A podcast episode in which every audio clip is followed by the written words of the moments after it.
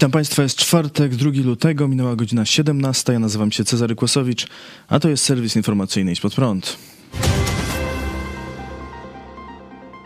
Na początek sprostowanie. Wczoraj w informacji o, o tym, jak Jarosław Kaczyński przekazał 50 tysięcy złotych na e, siły zbrojne Ukrainy, podaliśmy, że Radosław Sikorski wykupił e, przeprosiny w Onecie, które miał, e, które miał wykupić Jarosław Kaczyński. W rzeczywistości Radosław Sikorski dostał jedynie wycenę tych przeprosin i te koszty 700 tysięcy złotych zasądził sąd Jarosławowi Kaczyńskiemu.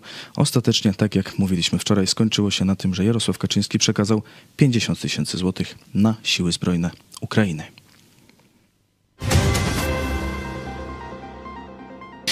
Czy chleb będzie tańszy? We wrześniu 2021 roku premier Mateusz Morawiecki, zapytany, czy wie, jakie są ceny chleba, udzielił długiej, półtora minutowej odpowiedzi.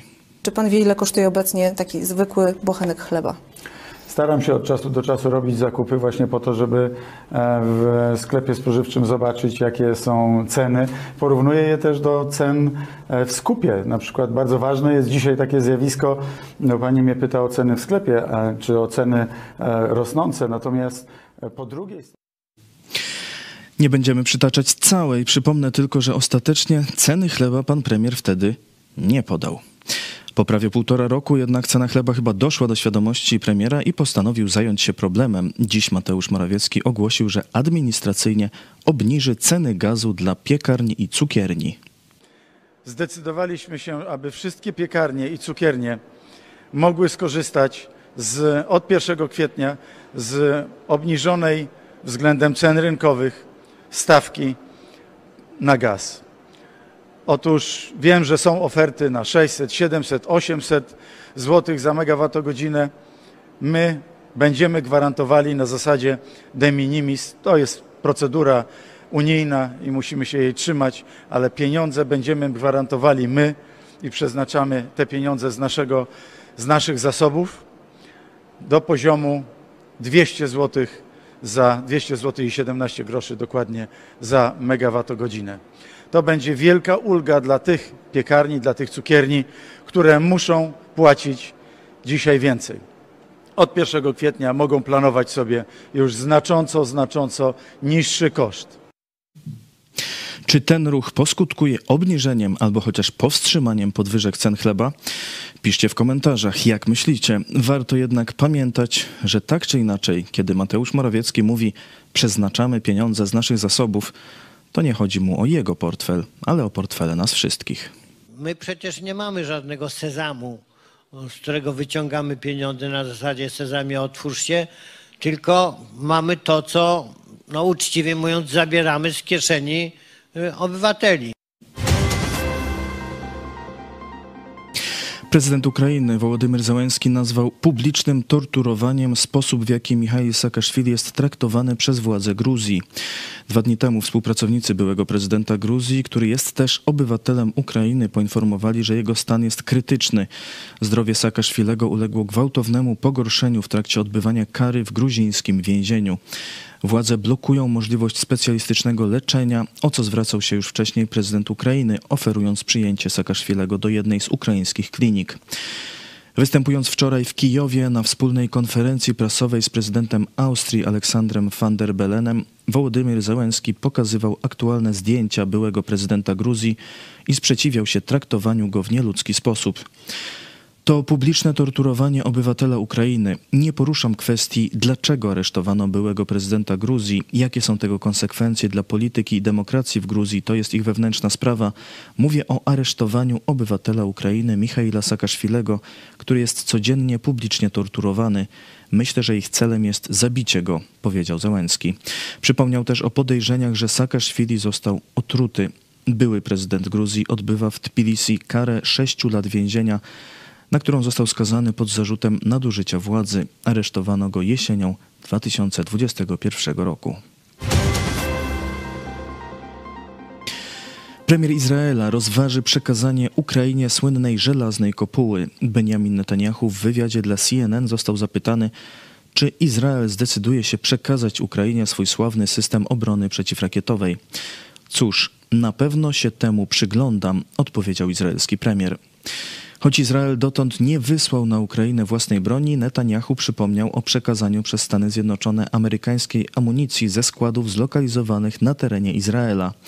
Zaznaczył też, że jego kraj pomaga Ukrainie w sposób pośredni, osłabiając możliwości wsparcia wojskowego dla Rosji ze strony Iranu.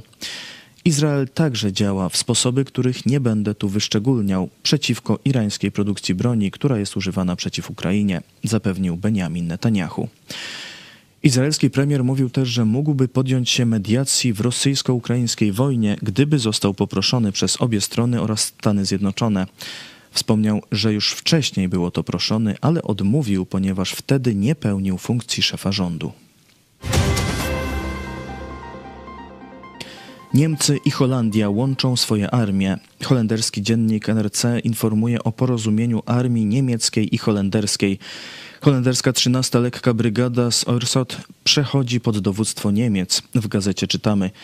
Niedługo wszystkie holenderskie brygady staną się częścią niemieckiej dywizji i powstanie dwunarodowa siła składająca się z około 50 tysięcy personelu wojskowego. Jest to wypełnienie porozumienia, jakie 30 listopada ubiegłego roku podpisali dowódcy wojsk niemieckich i holenderskich. Mówi ono, że armie obu krajów zostaną połączone. Jak przypomina gazeta NRC, już w poprzednich latach dwie brygady niderlandzkiej armii w pełni zintegrowały się z niemiecką dywizją. Niemcy i Holandia są pierwszymi państwami NATO, które niemal całkowicie połączyły siły swoich wojsk lądowych. Dowódca operacyjny holenderskiej armii Jean-Paul Duckers powiedział: Mało osób zdaje sobie z tego sprawę. To historyczny moment. Mówimy o współpracy dwóch całkowicie równorzędnych partnerów, w której suwerenność obu krajów jest najważniejsza.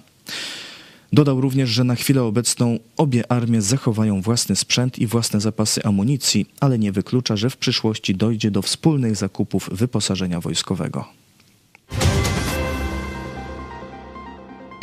Filipiny rozszerzyły Stanom Zjednoczonym dostęp do swoich baz wojskowych. Ogłoszona dziś umowa przyznaje amerykańskiej armii dostęp do dodatkowych czterech lokalizacji na terenie Filipin na zasadach porozumienia o ulepszonej współpracy obronnej z 2014 roku. Informacje o jakie miejsca chodzi nie zostały ujawnione w dokumencie. Komentatorzy mówią o domknięciu łuku sojuszników wokół Chin. Amerykanie starają się w ten sposób odstraszać komunistyczne Chiny od planów ekspansji na Morzu Południowochińskim.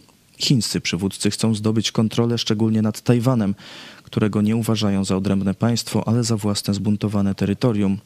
Poszerzenie Stanom Zjednoczonym dostępu do filipińskich baz nie oznacza stałej obecności amerykańskiego wojska, ale będzie związane z prowadzeniem wspólnych ćwiczeń wojskowych, umożliwi wstępne rozmieszczenie sprzętu i budowę infrastruktury, m.in. pasów, pasów startowych i zbiorników paliwa, a, też, a także budynków przeznaczonych dla żołnierzy.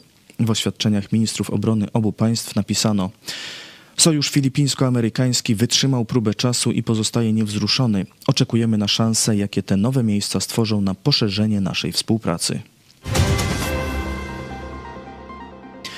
Węgry mogą rozważyć przeniesienie swojej ambasady z Tel Awiwu do Jerozolimy. Balasz Orban, dyrektor gabinetu politycznego premiera Viktora Orbana, w rozmowie z dziennikiem Israel Hayom powiedział, że jeśli Izrael zwróci się o przeniesienie ambasady Węgier do Jerozolimy, węgierski rząd tę prośbę rozważy. Doradca premiera Orbana w tym samym wywiadzie stwierdził też, że Węgry i Izrael są strategicznymi partnerami i przyjaciółmi. To wszystko w tym wydaniu serwisu. Dziękuję Państwu za uwagę. Jeszcze dziś o 18:00 kontrkultura, żenada kontra podziw, niebezpieczni dżentelmeni kontra duchy i niszerin. A kolejny serwis jutro o 17:00. Do zobaczenia.